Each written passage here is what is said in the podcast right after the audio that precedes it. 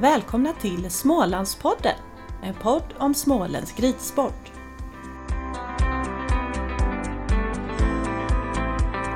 Lars Lasse Berglund är en välkänd profil i Småland och i ridsport-Sverige. Han är born and raised i Jönköping och född in i en hästfamilj. Som många andra började han sin ryttarkarriär med att rida på russ. Genom åren har han varit aktiv som tävlingsryttare, unghästdomare, tränare, uppfödare och på senare år även som hingsthållare. Med sig har han alltid haft det stora intresset för avel, något som han själv beskriver som ett nörderi. En snöig fredag i december hade vi besök av Lasse på kansliet i Jönköping och det blev en spännande pratstund om avens utveckling, vad han tittar på hos den unga hästen, det svenska systemet, vad det finns för likheter mellan hästar och kängurus och mycket annat. Vi får även höra vad Irko Marcos tidigare ägare Gert Monell säger om hingsten som påverkat både den småländska och svenska hoppaveln. Häng med!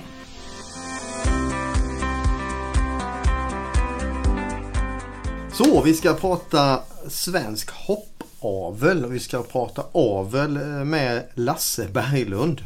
Ja, tjena! Tjena! Vi känner ju varandra Jajamensan. Väl. på många olika sätt och vi har ju hängt ihop eh, under många år. Men egentligen Lasse, ditt hästintresse, när började det? Ja, vi har varit alla i familjen. Det började med mamma och pappa. Vi är fyra bröder och allihopa har på och tävlat, höll på med hästar hela tiden. Och från början var det ju mest ponny och Gotlandsruss hade godkänd hingst till det. Och sen så flyttade vi iväg och fick bara sin egen gård. Så var jag väl tävlingsryttare i början mest och inte så mycket och red allt möjligt och red in hästar. Och sen så vid åldern när man börjar bli lite äldre, alltså runt 30 år kanske, så gled det väl över mer och mer när blev domare till avel och den delen. Ja, för det har vi ju sett. Alltså, du har ju tävlat eh, mycket och eh, intensivt får man säga. Men just det här avelsintresset. eh, Kom det bara som en blixt? Nej, men det var ju mycket när jag började med att döma.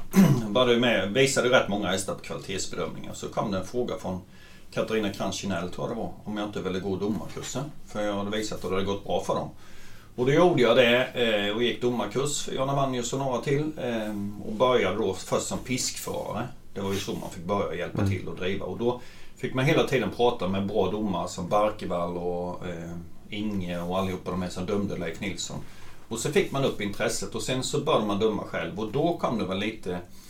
I början då när man satt på en häst så satt man ju bara på en häst och så kände man att den här är besvärlig. Den kanske inte höll balansen eller någonting sånt. Och så, så tänkte man inte mer på det. Och de andra var väldigt lätta att rida. Vi fick ju rida väldigt många olika hästar. Både för att vi hade ridskola och för att vi sålde och handlade lite hästar.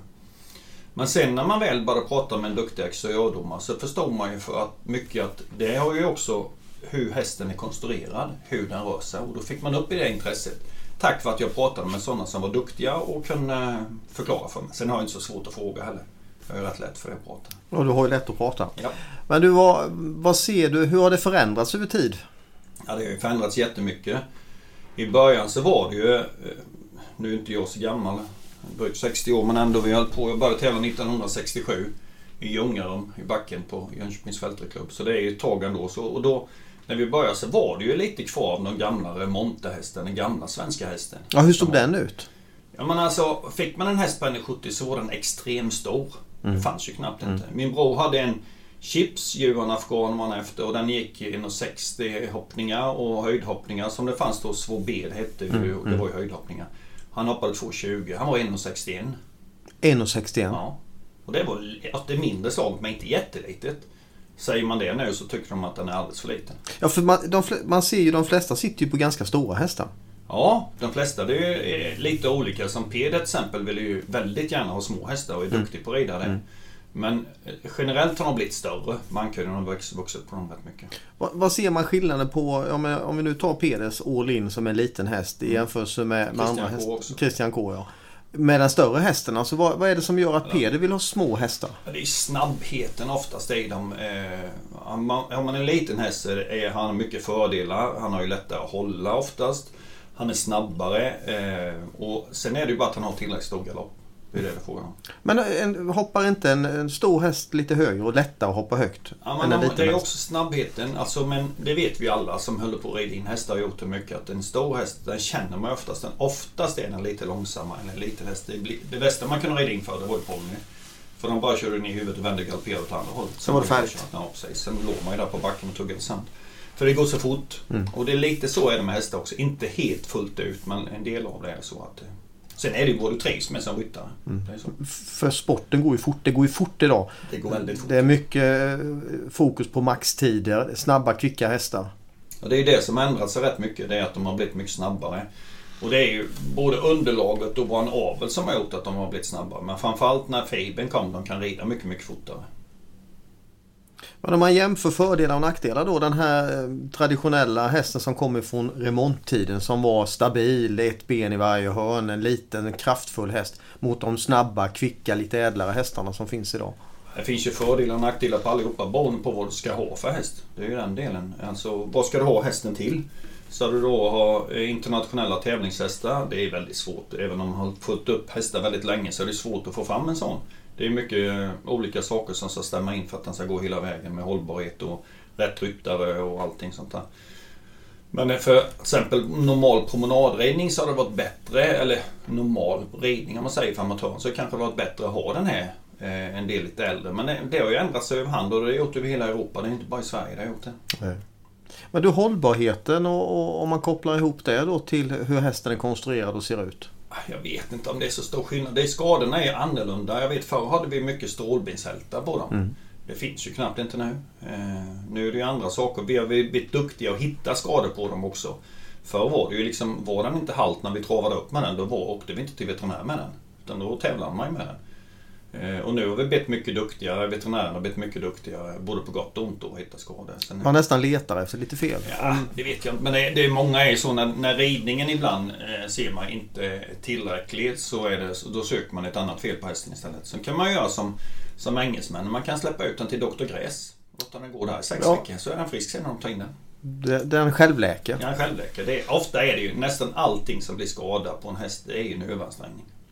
Men du, de, de här hästarna som, som vi nu ser och som många ryttare har. Är de svår, mer svårridna än, än den hästen som fanns 30 år Absolut tillbaka? inte. Mycket, mycket lättare. Vi har en på en treåring nu på inhoppning hos Victoria. Eh, som är, alltså, det ser så enkelt ut så det är helt otroligt. För den landar ju förr då när man så Ta ett exempel, man skulle hoppa, hoppa in en häst så kanske man har att göra med två månader, till och med tre månader för att man ska få den till att hoppa en liten bana. Jag tror att man kan göra det på två veckor nu ungefär.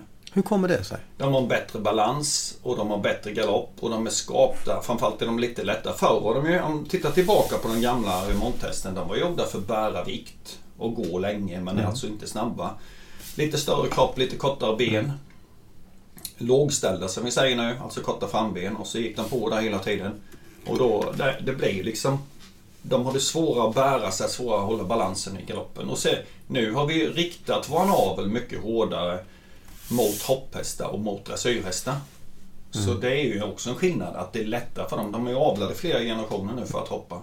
Och då vill man ha liksom längre bakben och mer fjäder i bakbenen. Ja, ja, det är ju på en del. Det blir ju så. De brukar skoja om det, vilka djur som hoppar bäst i naturen. Och det är ju känguru och en hare. Får hoppas att inte hästarna ser ut som några Men den, den skillnaden mellan fram och bakben. För det vill man inte ha. Absolut inte. Och det kräver också sin ryttare att rida under de bakbenen under hästen så att den bär vikt på dem. Så att han inte lägger för mycket tryck på framdelen på den. Men du, du är tävlingsryttare och du har varit uppfödare. Men nu är du också hingstägare med godkänd Ja. hingst. Det blir ju så. Ehm, Köpte ju några hästar i Norge och sen så fick vi en av dem som vi godkänd hingst. Så den är, har använts nu ett år i aveln och eh, ska väl håller på att hoppas in av Victoria Almgren. Och sen ska, så ska den eh, ut och betäcka nästa år igen och sen så är den väl inne i avel, spotten. Tanken för mina då hingstar det är att de ska betäcka i två år och sen så de går in i spotten så fryser vi in på dem så får vi se. Jag tror inte riktigt på att de ska dubbelarbeta, det är rätt jobbigt för dem. Mm. Utan försöka få två stora kullar på dem i början så man ser vad de är där med. Så nu har jag tänkt göra det. Jag tänkte visa någon till eh, troligtvis i februari och så köpte jag fyra hingstföl nu för någon vecka sedan. Men du alltså, vad är, vad är det du ser i, i hästarna? För någonting såg du när du tittade. Det är ju, inte, det är inte en slump i din värld utan du har ju en röd tråd i allt. Vad är det du tittar på när du hittar en häst som du faktiskt får som godkänd hingst? Ja, men det, dels är det ju härstamning på dem naturligtvis. För, för, att det ska vara, för att man ska ta fram en hingst för det första så måste det vara en, en, eh, en, en härstamning som man tror att man, kan, att man är attraktiv för storägaren. Alltså den delen då så att mm. man kan ha något. Och, det, och sen är det att jag vill ju ha moderna sportindivider. Som är, alltså den moderna hästen är mycket ädlare, är mycket lättare än de andra, eh, än de var förr. Och så, vi kan ju gå tillbaka. Så vi hade ju turen ändå. När vi började med uppfödningen, då åkte man ju på naturlig beteckning. Mm. Och då åkte man upp till Flaskebo. Det var ju närmast oss. Och där stod Dragon och lite andra hingstar där uppe. Men vi hade ju fördelen också att, eh, att eh, Karl-Axel tror han hette, Bratteborg. Ja. hade ju fullblodshingstar. Ja, precis. Och de gjorde ju att det lättade upp rätt mycket i våran del här, då när vi hade naturlig beteckning och den delen. Så de fick ju upp. Så att vi har haft en ganska bra storstam och det var ju beroende rätt mycket på vilken storstam vilka hingstar som står på station. Men du, hur kom det sig att man blandade in, in fullbloden i, i den här lite tyngre aveln? Var det för att man tyckte hästarna var det lite tunga? Det var för att få snabbheten och snabbheten. lättheten. Och så vet vi ju alla att fullbloden har ju en, en stark hållbarhet. De har ju avlat väldigt länge. Det är ju galopphästar oftast, steeplechase Så de har ju avlat mycket på hållbarhet på dem. Eh, på den delen. Mm. Och duktiga på det. Plus att en, en, eh, en fullblodshingst eller en travhingst, de får ju bara betäcka ett visst antal stånd. Mm. Jag tror det är 150 eller någonting sånt. Ja, jag tror också det är något sånt. Men du, exteriören den är ju viktig. Utsidan, en vacker, snygg häst. Ja, dels funktionsmässigt och dels också för att den ska... Om, om vi tänker på de, de hästarna som vi tillverkar idag. De som var bra om 10 år kanske. Och det var rätt intressant att höra nu på... De hade ju en podd då på SVB mm. där de diskuterade OS. Och tittade vilka fäder det var på de hästarna som gick där. Mm. Och då visade det sig att det var ju några gamla som Diamante Semi, Kannan och några till som hade varit etablerade när de tillverkades. Men mm. de andra var mellan 3 och 6 år. För mm. de, de vi tillverkar nu, om vi ska tillverka sporthästar som mm. vi tror ska gå hela vägen ut. De måste ju vara, alltså egentligen som man behöver titta i kristallkulan och ja. titta, vad är det som behövs? Ja, vad ser du där då? Ja, men det, det, får man diskutera lite med barnbyggare och andra. För det, barnbyggaren styr ju rätt mycket vad vi sa för sporttest framåt. Mm. Och den stora revolutionen kom ju då när vi kom på fibern. När mm. de kunde rida mycket fortare. Mm. Och när man pratar med veterinärer då som Lasse Ropstaff och duktiga forskare och sånt här så, så påstår en del då att ja, men hästen har blivit mindre hållbar. Men det är ju inte det utan det är att vi kan rida mycket fortare. Mm. Det är inte höjden på hindret som, som tar sönder dem nu, det är farten. Men du klarar ryttarna av att rida mycket fortare? Ja, de proffsen gör proffsen det. Gör det, det ser vi. Och här hemma då i, i våran område så har vi olika variation på underlag. Som tur är än så mm. länge. Det är inte bara fiber utan det är ju grus också. Mm. Och några gräsbanor finns kvar. Fast jag är, alltså jag är så... De säger ju gärna det. Och alla vill ju att gräsbanorna ska vara kvar men det är svår, få som vill tävla på dem. Mm. Men jag vet ju att du har ju själv en, en fin gräsbana hemma på din gård som du klipper och dina elever är och tränar. Varför ja. gör de det? Är det för att du vill att den ska variera lite? Ja men lite ju latheten också. Latheten. Då slipper jag ju vattna grusbanan. Jaha, det var därför. Då förstår Men det är också nyttigt för dem att lära sig att rida. Man, man måste rida hästen mycket mer i balans när man mm. rider på gräs. Mm. På fiber kan du bara dra in i tyglen ungefär. Så, så den, den halkar ju inte. Nej. Och jag vet förr när man stod och dömde då i ett ridhus med traditionellt underlag så liksom kom de in och var lite höga i nacken och lite spända i ryggen. Alltså det var ju nästan de halkade första svängen och så lösgalopperade. Mm. Så det, det, är ju jätteskillnad på de, på de underlagen och det är en del i det.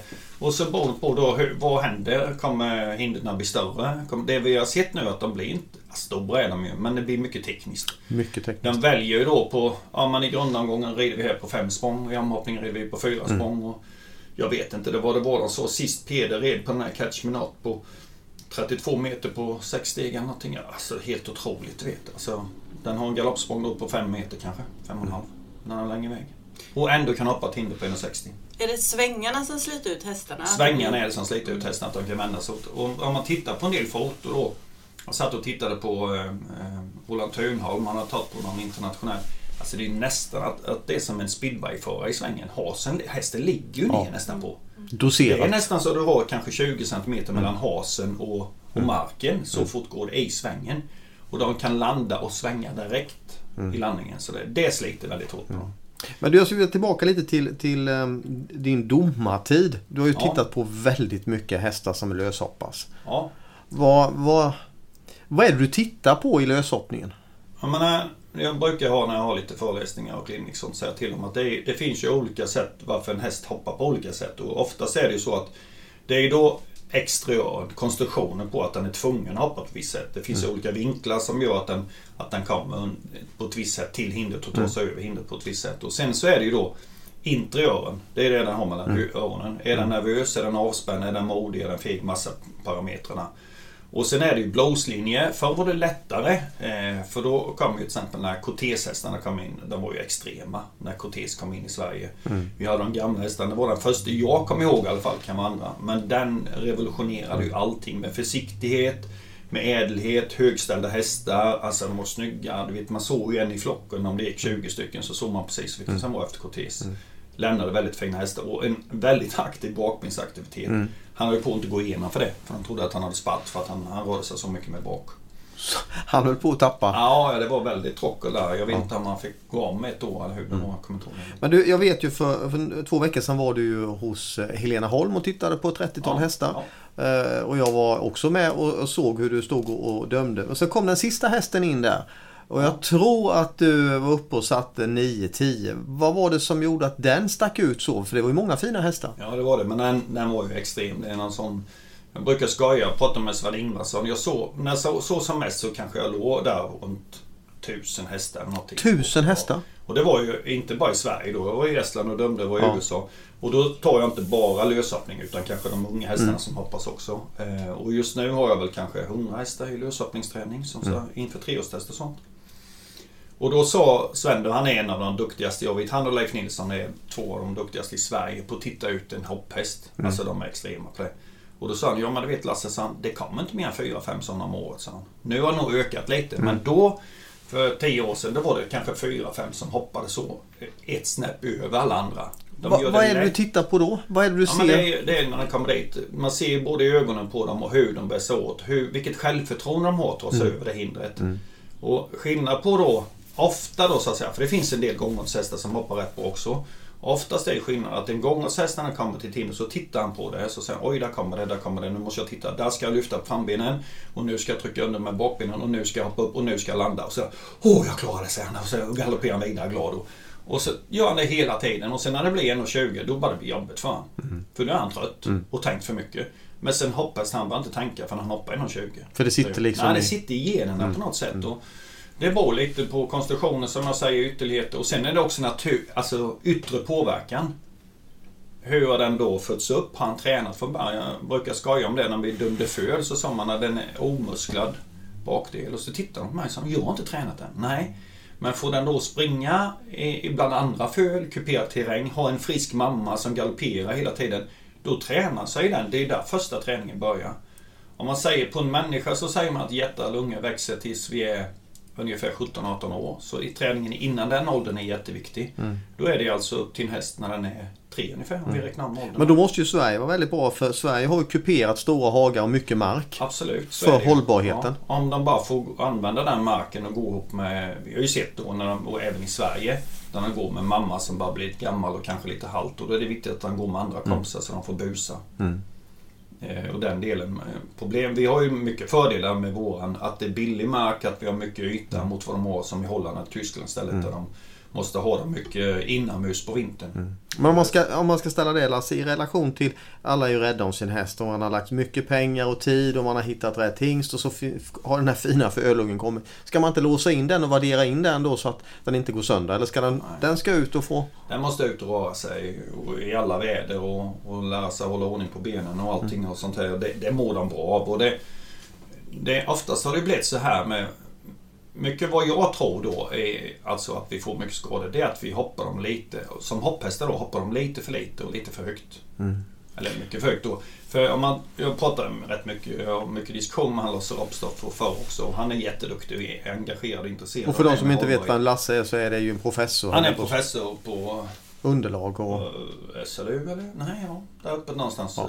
Uppsala. Han kan underlag. Han, han, är underlag och hästar överhuvudtaget. Han, är, han, han hjälper ju de som ska forska på skolan och mm. deras forskningsområden och sånt. Och då sa han det, då sa jag det. Men så sa han, då gick han ut en gång, och vi hade en föreläsning för lite uppfödare. Då stack han ut eh, näsan och så skrek han att det är ni uppfödare som har gjort att de blir halta nu. Och de var jättearga. Då sa han, ni har fått upp för bra hästar, sa han. Då blev de lite lugnare då. Ja, det var skönt. Och då var det så, menar på att vi kan hoppa dem, eh, det var som vi sa förut, för lätt går det att hoppa dem och för högt. Det är lättare för hästen. Och förr då behövde vi hoppa så många språng för att vi skulle få den till, till att att komma över en bana Mm. och nu kan vi göra det mycket enklare. Och då förklarar han för mig att det är ungefär som du tar en, en nattorienterare. Han kan ju springa rätt ut i skogen med en liten sån lampa på pannan och så är han är inga problem för det. Så gör jag samma sak som otränad nu. Jag kommer ungefär 50 meter innan jag bryter sönder knät eller Ja. någonting. Det är inte för att jag är annorlunda konstruerad utan det är för att jag inte är tränad för det. Mm. Och likadant, så, vi går på gymmet, då lyfter vi inte 100 kilo så går hem och klappar oss på axeln utan vi lyfter 10 kilo 100 gånger. Precis likadant med en häst. Hoppa mycket, hoppa lågt.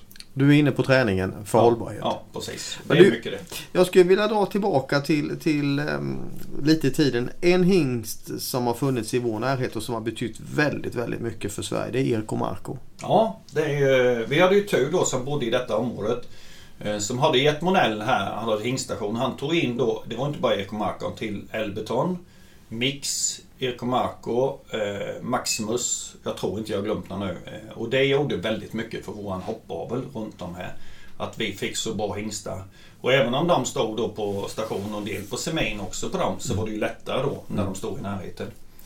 Och Erko Marko när han kom eh, var väl inte riktigt i början hundragjord för våra hästar. Alltså han var ju han såg rätt stenålders ut. Ganska liten hingst. Liten, 1,61. eh, Och lite satt och, och levde mycket på sin inställning och den delen.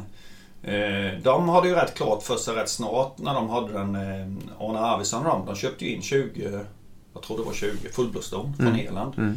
Där allihopa de är King Lowe, Shoshina, allihopa de är fina. Maria Gretzes och det fanns jättemånga fina Markoville. Nej, inte Markoville. Jo, den var någon efter den med. Som kom genom den här fullblåsaveln. Och det tog oss lite tid innan vi upptäckte. Men däremot så Eko Marko är en sån hingst som, som gör väldigt mycket i andra och tredje led. Mer än i första led. Kan man säga alltså att det, där någonstans, det som Arvidssons gjorde när man blandade in fullblod. Det var där någonstans startskottet var för att faktiskt få lite lättare typ av hästar. Ja, det kom från olika håll. De var ju rätt klara på det och upptäckte ju rätt snart att de behövde det. Så de hade ju också förmågan att kunna köpa in det. Sen har vi fått olika hingstar på olika sätt som har blivit ädla. Och nu kan man ju liksom inte säga att... Vi var ju i USA och dömde rätt ofta genom Swana. Eh, Det är ju ett, eh, en dotterförening kan man säga till eh, SVB.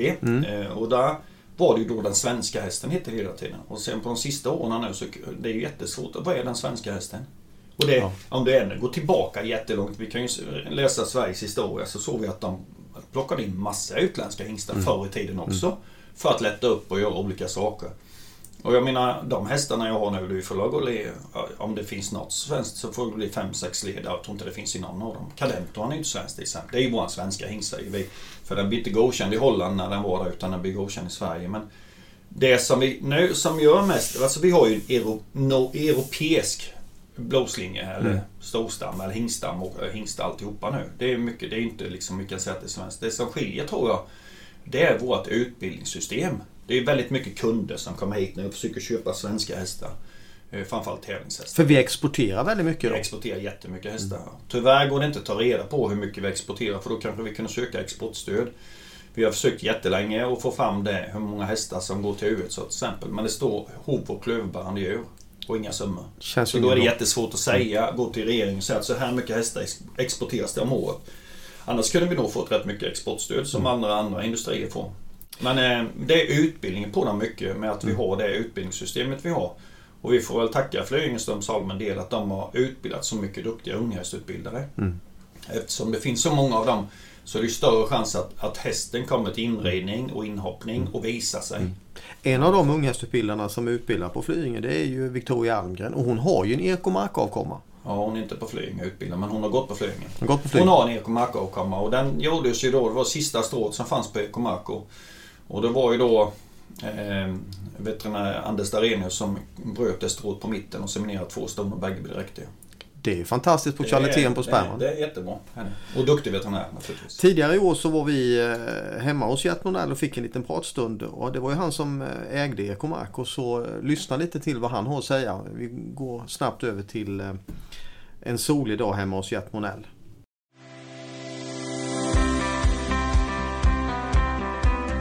Men du Ekomarko, när, när, när, hur, hur, hur kom det så att han hamnade här? Var skulle han hamnat annars? Ja, det är en bra fråga. Men vad, vad, hur hittade du han? Eller vad, hur, Nej, hur blev det som det blev? vi hade Maximus. Mm. Och när han tog slut så ringde väl Ann Gustavi och frågade om jag var intresserad. Och så ordnade hon så vi fick hitta honom. Sen var, den, var han här, sen var han väl nere i Göteborg ett tag. Mm. Emellan där då skulle ju Arne Pettersson ha- Ja, eh, blomsterhandlaren. ja, ta ner honom dit. Och då var han väl ute hos eh, Heimdall, vad hette han, gotlänningen, veterinären. Ole, Ule. Ja, där är jag, där är jag Det är inte. du med. Han var ju veterinär på Åby. Ja, veterinär på Åby. Ja, ja. Heimdall jobbade under honom då. Ja, okej. Ja, tog de ner honom. Men jag tror inte de lyckades särskilt mycket med honom. De ringde och sa att han var besvärlig och sådär. Men såg du redan då att det här är något alldeles extra? Ja, Du gjorde det? ja. Vad var det, som, vad var det liksom som... ja, det var hans, framförallt hans klokhet Mm. och den kontakten man fick med honom. Mm. Ja, det var inget yrväder. Nej. Nej. Var stabil? Han var stabil och du kunde inte börja rycka och slita och dra för att sätta kalla handen direkt. Va? Och gjorde man det då, då lyckades han inte med honom Nej. helt enkelt. Utan det gällde att förekomma honom och, som man gör med barn. Mm. Avleda honom. Mm. Ja. Jag vet inte, Leif red ju honom och det gick ju bra. Han gjorde ju det mesta på honom. Men jag känner ju inte till själva ridningen så mycket utan jag fick ju honom för avelns skull. Ja. Mm. Och där var han ju, vi började väl här och tappa honom. Ja. Vi gjorde Mm. ju inte det med Maximus. Nej. Utan det betäckte vi. Du gjorde det själv här? Naturligtvis, ja, vi Ja. vi byggde upp en, Ja. en bock Ja. utanför. Och tappade honom där. Så att, eh, Var det då du började samarbetet med, med Anders Darenius eller var det i samma? Nej, då hade vi veterinärerna här. Tranås och Aneby-veterinärerna hade varannan vecka. Jaha. För de orkade inte med oss annars. Nej. Det var en krävande kund och hingstägare. Ja. Men du vet Maximus hade vi ju eh, ända upp till 100 ston om året på. Ja. Mm. Och Erik och Marco, den, när man kom in i ridskolan i Aneby så frågade jag vad det är för häst. Han har väl aldrig gjort någonting sa de. Och de tyckte det var konstigt att man ville ha hit, hit honom. Mm. Ja. Men så är det var det och det är ju fortfarande så med många yngre. Mm. De känner inte till honom. Nej. Nej, det är ju ofta de äldre. Man kan nästan inte begära det. Nej, och de som läser lite grann om statistik och sånt där vet ju vad det är. Nej, För vad jag förstod när jag tittade lite bakåt så är det 50-årsjubileum. Om man Ja. liksom levat. Mm, mm, Mm. Mm. Det är rätt fantastiskt. är 50 år sedan han föddes och Ja. 20 år sedan han dog. Ja. Hur många avkommor blev det efter honom? Vet man det? Jag, jag vet inte. Jag, jag, Vågar tittar, man gissa? Du tog en fram nej, jag tittade lite på bluppen men jag, jag kan inte få det att stämma. Så att jag, jag, jag kan inte säga det för man mätte ju inte från första början heller. Nej. Men flera, vi hade ju mycket avkommor. flera hundra är det i alla fall. Ja, det är flera hundra. Vi hade ju en 20-30 avkommor Mm. efter honom själva ju. Mm. Han var inte så stor hingsten. Nej, när han kom så mättes han inte 163 tror jag. 163. Ja, eller Ja. 64 till och med tror jag. Ja, eller 64. Men gav lite större avkommor. Ja, då, han var större. Ja. Ja, han växte länge tydligen. Och titta på dem jag har där nere i liv 168 båda Ja. två. Rejäla hästar. Ja, mycket fina hästar. Och det är, det är inte ofta du ser små Marco. Nej men Erik Omena väl ingen liten häst eller är han där? Nej, kom igen. Och Feliciano, nej, ja. 1,70? Alltså, jag tror han ligger Ja. omkring. Jag tror inte att han, jag tror inte Jag att han är hans mamma var inte stor. Bellemina Park var ju ingen stor, stor zoomare. Det var samma som till Maria Gretzes Ja. Markovic. Markoville där va. Mm. Den hade vi ju här också betäckt det. Var han snäll och handskas med? Ja. Eller var han en, en illbatting? Nej, han var jättegod. Han var god och precis som den jag har här nu, hans avkomma. Han är också god, godmodig, härlig på alla möjliga vis. Men bestämd. Ja. Men du berättade att han hoppade över ibland och hoppade in och gick Erik och in. Marco ja. Ja. ja. han hoppar. Ja. När vi byggde staket, min pappa var här, hjälpte mig. Vi byggde staket baksidan och runt och så här och gjorde höga fina staket. Sen kommer han och tar en runda och tar staket över staket. Jag bara hoppar och runt. Pappa bara stod där med hammaren och så slängde han hammaren och åkte hem. Den där jäkeln går inte att stänga, den där jäkeln går inte att stänga in. Så. Det var inte roligt. Nej. Nej, det var, um, det var en egen häst. Om jag säger. Han, Ja. eh, han tänkte nog lite mer än de flesta tror jag. Ja. Mm. Är det inte ett bra kännetecken egentligen för en häst att vara lite, lite tänkare? Ja, det är det ju, men de blir ju väldigt besvärliga för den typen av hästfolk som ska tvinga sig fram. Som ska sätta dem på plats. Va? Eh, ja, det går inte att göra med en sån häst. Nej. Nej. Du kan inte lasta den, du kan inte göra någonting om du börjar bråka. Va? För då är det kalla handen. Mm. Nej. Men kan du bli kompis med en som jag säger så kan du få den vart du vill. Va? Mm.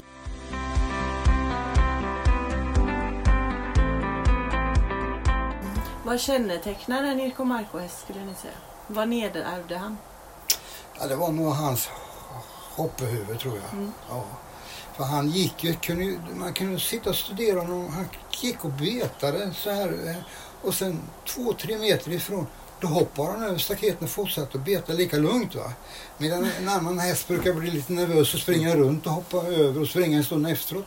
Det gjorde inte han. Nej. Nej, han gick där och sen tittade han och sen hoppade han över. Sen gick han likadant på andra sidan. Explosiv. Ja. Och jag såg honom, jag tror han var bara femåring i, i Falsterbo när Angustavi hoppade Mm. honom. Mm. Och det är ju många år sedan nu då. Va? Och det gick fort som fasiken. Jag vågade knappt titta en gång.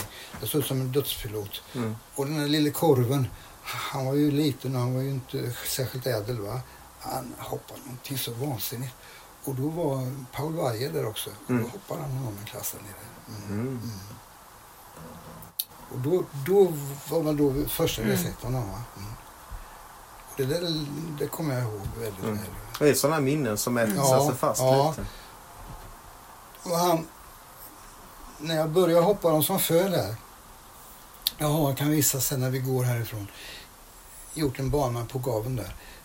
Då ser man direkt hur de hoppar och hur de tänker.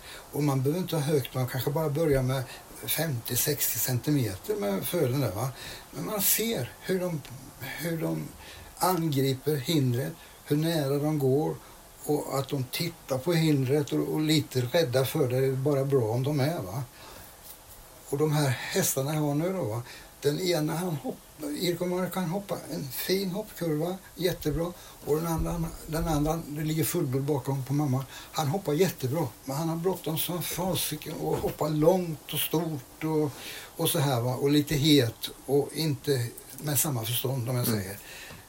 Och hon säger nu som rider fälttävlan på honom att han är helt enorm. Inte rädd för någonting, går på allting, vattengravar, vatten och allting. Medan Irko Marko tittar. Nej, Monia tänker på. Ja, Monia, Irko Ja. Marko-hästen. Tittar och gör sig en bild av hindret när han hoppar. Va? Mm. Men nästan varenda Irko Marko-häst har jag inte trott på annars från början. Nej. Nej. Men du ser det nästan i fölstadiet det här. Stämmer det sen? Bilden? Nej, Nej. det gör det inte. Så. Irko Marko-hästarna de börjar inte hoppa bra förrän det börjar bli svårare sen.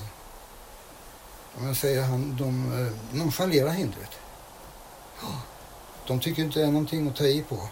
Men sen när det blir lite större då kommer, Då. då kommer hoppet Mm. i dem. Mm.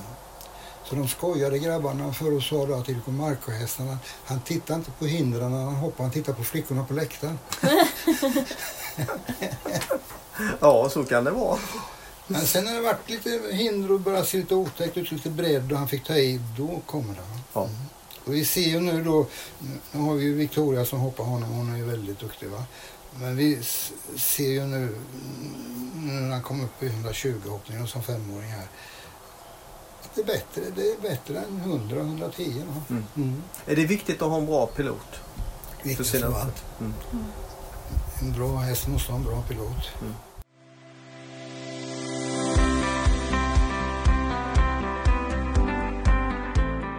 Nu fortsätter vi Lasse. Du, de utländska hingstarna och de svenska hingstarna. Vad, vad, vad ser du för skillnad? Alltså, så förr då, när vi, går tillbaka lite, så var det ju de som har gjort mycket, det var ju då som kom in. Det var ju Cortés, det var Robin Zäta, det var Eko Marco. De kom in och var rätt moderna då tyckte jag. Sen har det kommit många efter det. VDL var ju starka i Sverige, kom in med Everest och alla möjliga hingstarna, Elbeton, ett helt gäng. Fanns några privata som tog in också. Ehm, de, Everest fanns ju här runt omkring så han gjorde rätt mycket för våran eh, blåslinje och de hästarna. Eh, som det, och sen kom ju Cadento. Det är liksom våra Och slog egentligen knockout på det är allt. helt otroligt. Det är den som gör att vi ligger så bra i, uppe. Jag hoppas att vi har fått tillräckligt många stånd så att vi kan leva vidare. Ska vi tacka holländarna för att de Alltså, släppte tack, honom? ja, Peter Eriksson tror jag. Peter Eriksson. tackar. För holländarna släppte inte igenom den. Den var för stor för klumpig och han var nere då med flygelchefen och tittade här nere.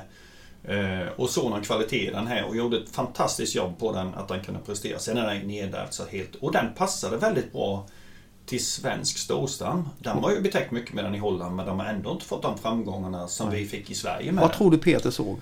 Alltså, ja, han är jätteduktig Peter. Så han, och det, det var ju förr så att många betäckte ju med Flöjinghingstarna, Peter och de båda när det var stort Flöjinge för att de visste att alla de går svårhoppning.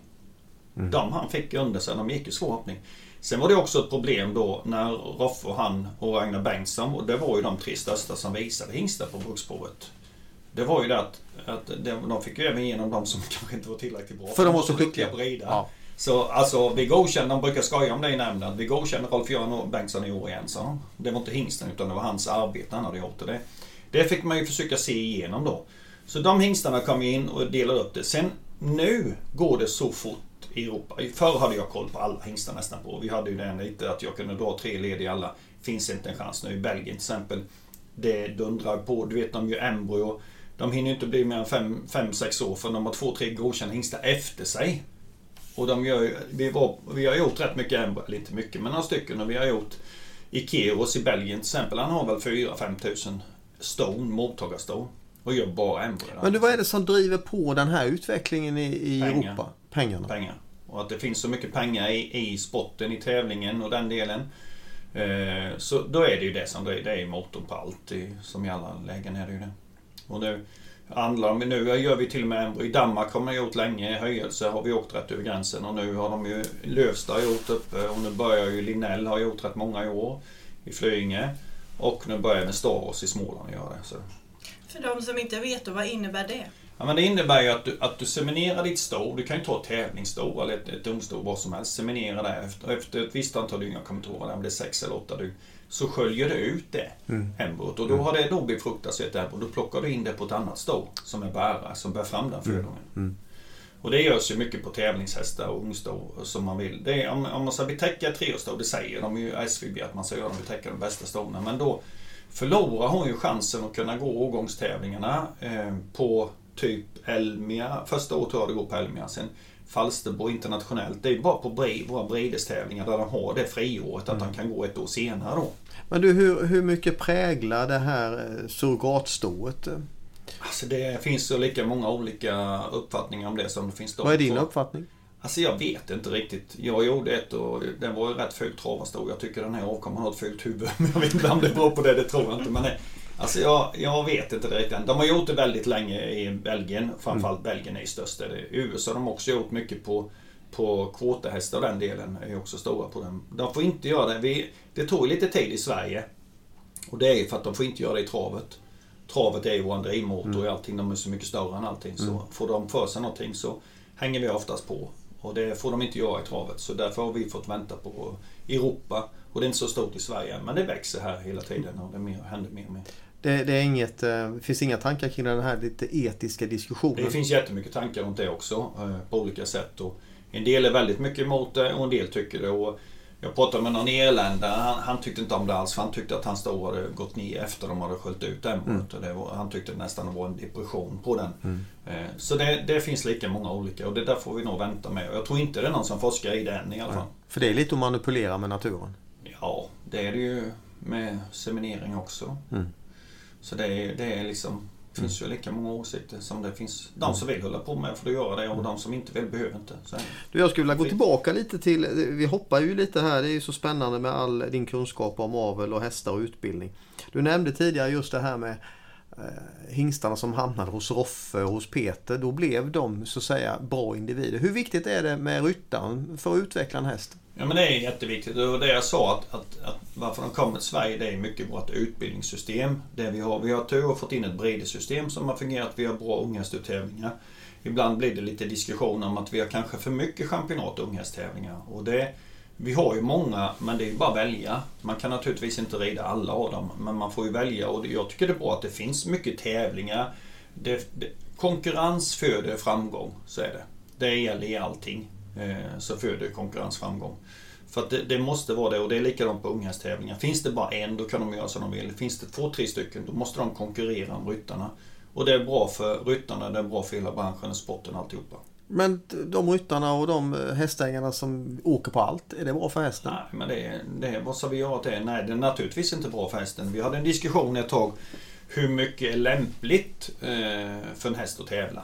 Ja. Och vi, tyvärr fick vi inte fram, jag var på allihopa och Flyinge var med i detta, Strömsholm och det var med veterinärer och vi satt en hel grupp. Men det var ingen som vågade säga hur många klasser. Hur många starter. Så det finns inte egentligen. Men vad tycker du? Alltså det är olika på, men jag rider ju aldrig alla championat. Som till exempel de, jag hade en nu som, som gick både Brides och som gick Elmia därefter. Men den gjorde knappt ingenting som fyraåring. För vi tyckte inte den var färdig och den gjorde några starter och kvalade sitt och nu vilar den och så ska den gå igen sen också. Man får ju känna av hästen och se vad den gör och se till att nu är det inga problem för oss oftast för vi har många hästar.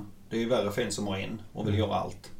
Mm. Och då måste man sätta stopp. Mm. Och det är som Victoria, hon har också en jättefin femåring den efter Eko Maxson pratade. Den var ju Sangerside. Så då red hon Bredes men inte Elmia. Så hon valde det istället. Så det gick två championat. Och vi red inte Falsterbo på våra utan vi red ju då eh, Bredes och Elmia. Och de var en månad emellan tror jag. Någonting sånt nu. Och sen gick den i bilen. Men vad, ska, vad, skickar du med för råd till, till de som har en fin unghäst? Ta råd från olika, prata med olika. Vem ska man prata med tycker ja, du? Det finns massa olika duktiga tränare och duktiga unghästutbildare. Vi har ju tur här i Småland. Vi har rätt många som är duktiga runt omkring eh, och utbilda hästar på olika sätt som kan ge råd. Och man behöver inte bara fråga en då. Få, sen är det ju alltid du själv som får göra din egen uppfattning. Mm. Det är samma sak som man går till en veterinär. Alltså, det är ju alltid du själv som bestämmer vad du ska göra med hästen sen i alla fall. Veterinären, han, det är ju du som känner din häst bäst. Mm. Veterinären han ser den oftast framför sig. Mm. När vi har äldre tävlingshästar så har vi oftast samma veterinär. Så åker vi och checkar upp dem kanske två gånger om året. Och då är det jättebra att man gör det med samma. För då får den en uppfattning om hur hästen är. Den kan gå in och titta på sina journaler. Hur var den förra gången? Hur såg den ut? Så men när en veterinär sin häst första gången så är det inte så lätt. Du förordar lite vetcheck, att man tittar till sin häst? Ja, men de som tävlar högre klasser gör ju ofta det, att de gör det. Det är ju bättre att mota Olle i grinden och ta det efteråt sen. Mm. Mm, så den delen. Men de mesta skador, de som tävlar där uppe, då är det hårt slitage. Eh, vår amatör då, som man kan säga som hoppar upp till 130, får väl kalla amatör i alla fall. De är oftast eh, med ridrelaterat mm. på dem. Vad kan man få för bekymmer som är ridrelaterade? Det finns massa, både med rygg och med, med ben och allting. Det, det är massa delar. Det är lika mycket delar på den här som en människa. Kan man undvika de där ridrelaterade problemen? Ja, mycket av dem kan nog göra. Eh, med att ha ett system och försöka hålla den eh, mjuk. Det är oftast är det stelheten på dem som gör att de, att de skadar sig. Tycker jag i alla fall. Hur, du, hur, hur skulle du tänka där? Dressyr, markarbete, lösgjort arbete på dem. Så att de är mjuka i kroppen. Det är som du och jag. Vi ska ut och springa. Jädrar vilken uppvärmning vi måste ta du vet för att ja. vi ska bli lösa och mjuka. För annars så bräcker vi oss direkt när vi kommer ut här.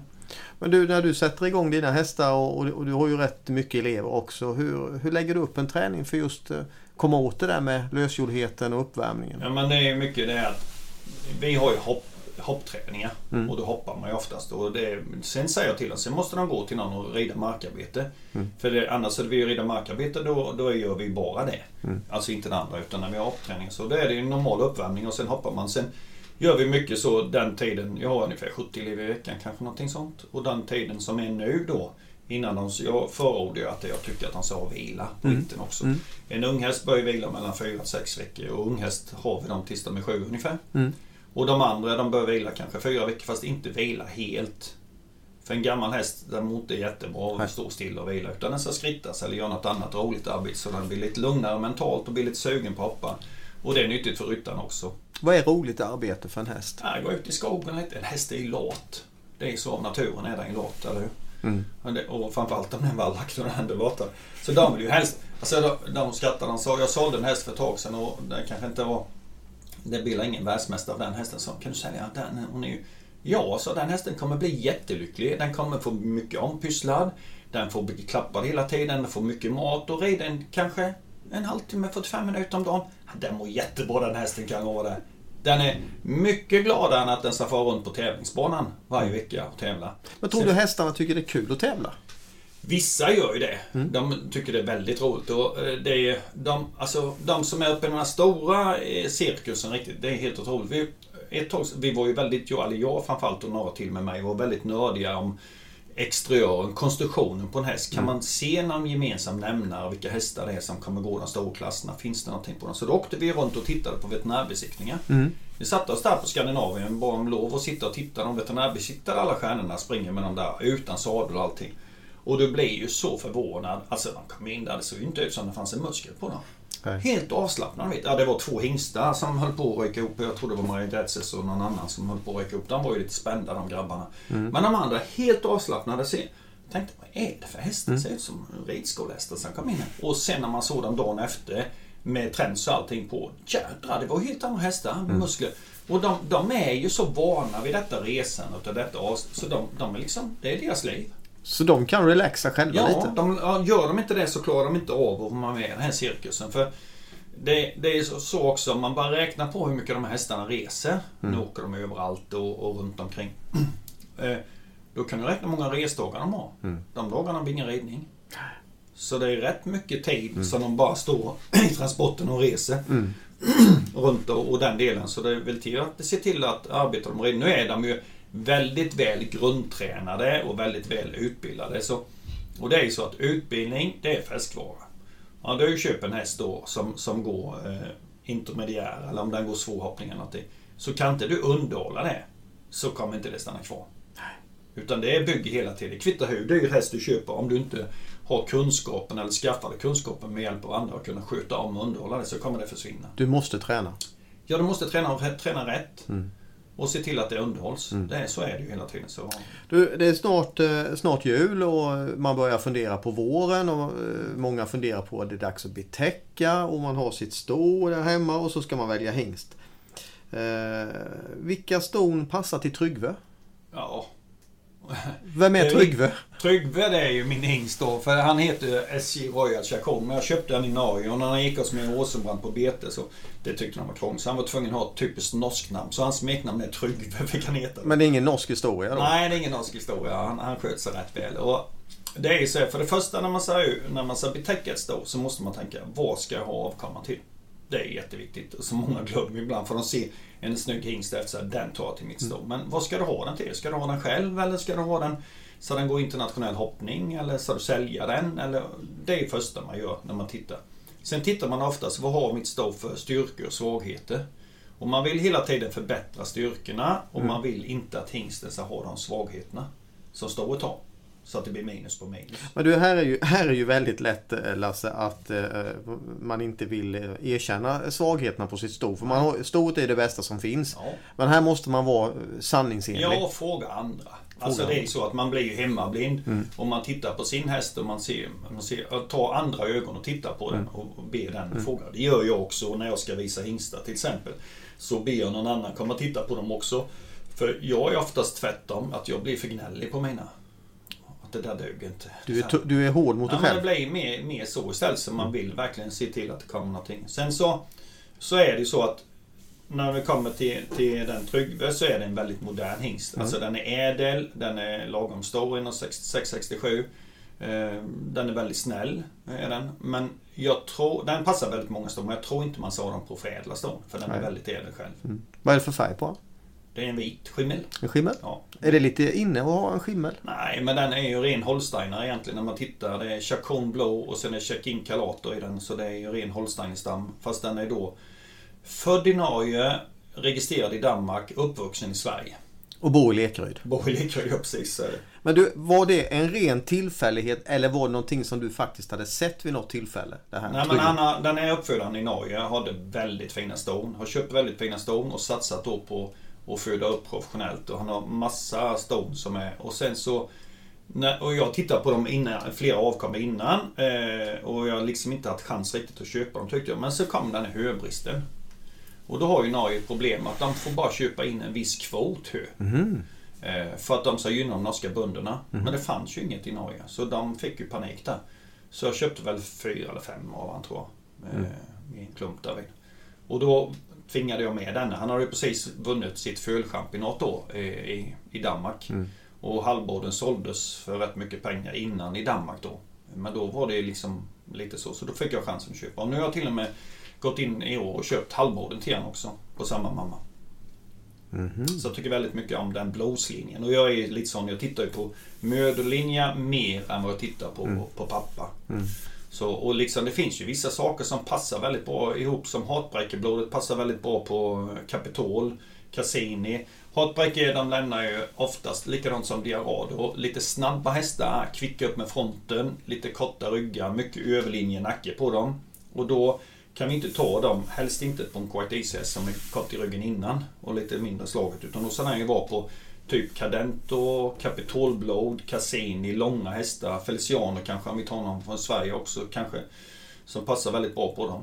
Så Men du, resan att få Tryggve godkänd, det är ju inte enkelt att få en hingst godkänd. Du har nej. lagt mycket jobb och tid i det här. ja, ja. Jag har haft många som har hjälpt mig också. Josefina har hjälpt mig, Lisa har ridit den hemma. Och Vilka är ju... Eh, Lisa Johansson rider mina hästar hemma i, i markarbete. Hon är Mm. dressyrryttare. Eh, Anne hoppar de hemma. Jag har ju de som kommer hem. Anne Eriksson. Anne Eriksson från Tenhult hoppar Mm. de hemma. Sen Josefina Gunnarsson rider in allihopa. Har ju mycket eh, samarbete Mm. med. Joel Andersson också. Han har ju en, en hingst uppe nu som vi har på test. Eller den är hemma nu, den ska på onsdag. Som ska prövas också om den är tillräcklig. Det är mycket koordineringar, alltså skicka runt dem till dina olika, för du har ju olika inriktningar på utbildningen. Ja, jag är ju Låter lite mentor åt några stycken och hjälper dem lite. Mentor, men vi diskuterar mycket olika saker. Vilka hästar som ska, som ska säljas och vilka som ska vara kvar. Vad det är för prissättning på dem, när de ska vara det. Och, och eh, hjälper dem med olika saker med, i uppbyggnad på sitt, sitt företag som de gör då. För de har ju företag allihopa och driver det yrkesmässigt. Men Du, det låter ju Lasse som, som att eh, du är den mest nördiga i familjen Berglund eller släkten Berglund på det här. Hur, alltså det här du, du är ju som ett uppslagsverk med hingstar och, och långa ryggar och korta ryggar och korta ben och långa ben. Alltså vad, vad är det som driver det? För det, det låter ju nästan lite på gränsen till... Besatthet? Ja, lite. Lite nej, så. Nej, men det är, jag tycker det är roligt att hålla på med hästar. Det är ju därför man håller på med det. Man får inte glömma det. Jag brukar säga till rätt många av mina elever det. Som vill så mycket, så, mycket pengar, så mycket tid och energi vi lägger ner. Så måste vi se till att vi har roligt. Mm. Det är Har- det viktigaste. har du kul? Jag är jätteskoj hela tiden. Jag vet när jag tävlade för Anke Rosell hjälpte mig rätt mycket. Det var hennes hästar mycket jag red åt också. Hon sa alltid det, det kan vi inte åka Lasse för de har inte bra fika. Det var väldigt viktigt när vi åkte och tävlade att vi hade roligt, det var ett trevligt ställe och bra fika. Men mycket är ju så, man måste se till det. Och, och det är ju... Av den här idrotten då som vi håller på med så har jag fått chansen att besöka väldigt många platser i hela världen. Och jag har några kompisar i Ja, överallt i Europa, nästan vilket land som helst som jag kan gå in och ta en fika med som, om jag ringer till dem. Och likadant i USA där man fått åka runt väldigt mycket och se och träffa mycket folk. Och, och få mycket erfarenhet i allting. Och träffa framförallt mycket trevliga människor med samma intresse. Du, i, i Norge sägs det att du går under den där svensken. Ja, de är, det är en del som inte vet vem jag är riktigt. Jag har rätt mycket träningar i Norge. Och Norge är rätt trevligt. Eh, Dels så är- växer de väldigt mycket som, som tävlingsland. De är väldigt intresserade. Och de har också vuxit, de har ju gått fort inom sin avel för att de hade ingen vi hade ju lite kanske problem då att vi hade rätt gammal storstam. Det tar rätt lång tid att vända runt det då. De hade ju inte så mycket det. De avlar ju inte på sina fjordingar, inte som hopphästar i alla fall. Utan de har ju köpt in väldigt mycket hästar eh, och tävlat på. Bra hästar då från Holland, Tyskland eh, och Danmark också. Och nu går de in i avel. Så de får ju ett snabbt avkall. Det är oftast bra kvalitet på de hästarna de har köpt eh, där inne. Så de fick ju bara lite från scratch. Den är fortfarande rätt liten den norska aveln. Men den, är, den går framåt och den är, de är väldigt intresserade och engagerade. Vi börjar att eh, lida mot eh, slutet av den här podden och eh, vi har ställt frågan till de som har varit med oss tidigare. Vem vill du lyssna på nästa gång vi gör ett nedslag i Småland? Ja, det var lite där. Jag har ju redan gett dig ett par stycken innan här. Så det, Ja, vi vet ju det. mm, ska grunna lite på det så kommer snart svar på det. Okej, och det kan man läsa om på vår hemsida kanske. Absolut, det blir jättebra det. Tack så mycket Lasse. Kul själva. att få vara med dig och lyssna till din klokskap när det gäller avel. Tack. Ni har lyssnat på Smålandspodden, en podd om småländsk ridsport av Smålands Ridsportförbund. Av och med Anna Zetterlund och Stefan Fu. Podden presenteras i samarbete med Agria djurförsäkringar. På återhörande!